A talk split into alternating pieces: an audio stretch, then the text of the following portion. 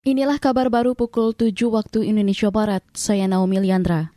Sejumlah atlet ASEAN Para Games 2022 terpapar COVID-19. Ketua kontingen Indonesia Andi Herman mengatakan tiga atlet Indonesia terjangkit COVID-19. Kata dia, satu atlet masih dirawat. Memang ini menjadi sebuah uh, beban pemikiran kita sebab kita tidak bisa memprediksi. Kita sudah membina, sudah melatih tetapi apabila nanti ternyata terpapar maka uh, tentu ini di luar dari kendali kita. Kemarin memang ada atlet uh, kita ya uh, terpapar tetapi perkembangan hari ini ternyata sudah tinggal satu ya. Ketua Kontingen Indonesia Andi Herman mengatakan akan memperketat protokol kesehatan. Kata Andi, sejumlah aturan yang diterapkan antara lain melakukan sistem gelembung satu hotel untuk para atlet satu cabang olahraga. Selain itu, atlet dilarang mengkonsumsi makanan dari luar hotel.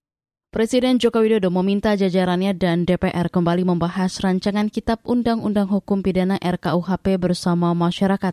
Hal itu disampaikan Menteri Politik Hukum dan Keamanan Mahfud MD setelah menggelar rapat terbatas di Istana Merdeka kemarin akan dilakukan diskusi-diskusi secara lebih terbuka melalui dua jalur. Pertama akan terus dibahas di DPR untuk menyelesaikan 14 masalah ini. Kemudian jalur yang kedua terus melakukan sosialisasi dan diskusi ke simpul-simpul masyarakat. Presiden meminta agar masalah ini diperhatikan betul dan kita akan mengagendakan baik di gedung DPR maupun di luar gedung DPR yaitu di lembaga-lembaga pemerintah.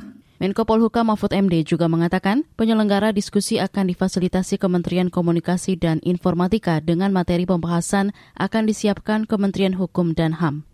Lebih lanjut, Mahfud menyebut dimulainya kembali pembahasan RKUHP secara terbuka dimaksudkan agar masyarakat paham betul isi dari RKUHP yang selama ini menjadi polemik di masyarakat.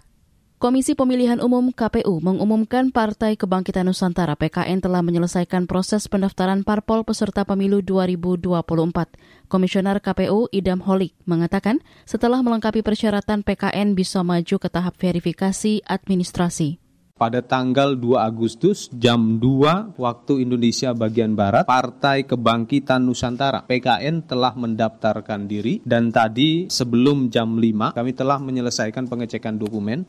Partai Kebangkitan Nusantara dinyatakan lengkap dokumennya dan dilanjutkan ke tahapan verifikasi administrasi yang akan kami mulai esok hari. Komisioner KPU Idam Holik menambahkan, tahapan verifikasi administrasi akan berlangsung hingga 11 September 2022 sesuai dengan lampiran peraturan KPU tentang pendaftaran, verifikasi, dan penetapan partai politik peserta pemilu. Hasil verifikasi akan diumumkan kepada parpol pendaftar pada bulan depan. Saudara, demikian kabar baru KBR. Saya Naomi Liandra undur diri.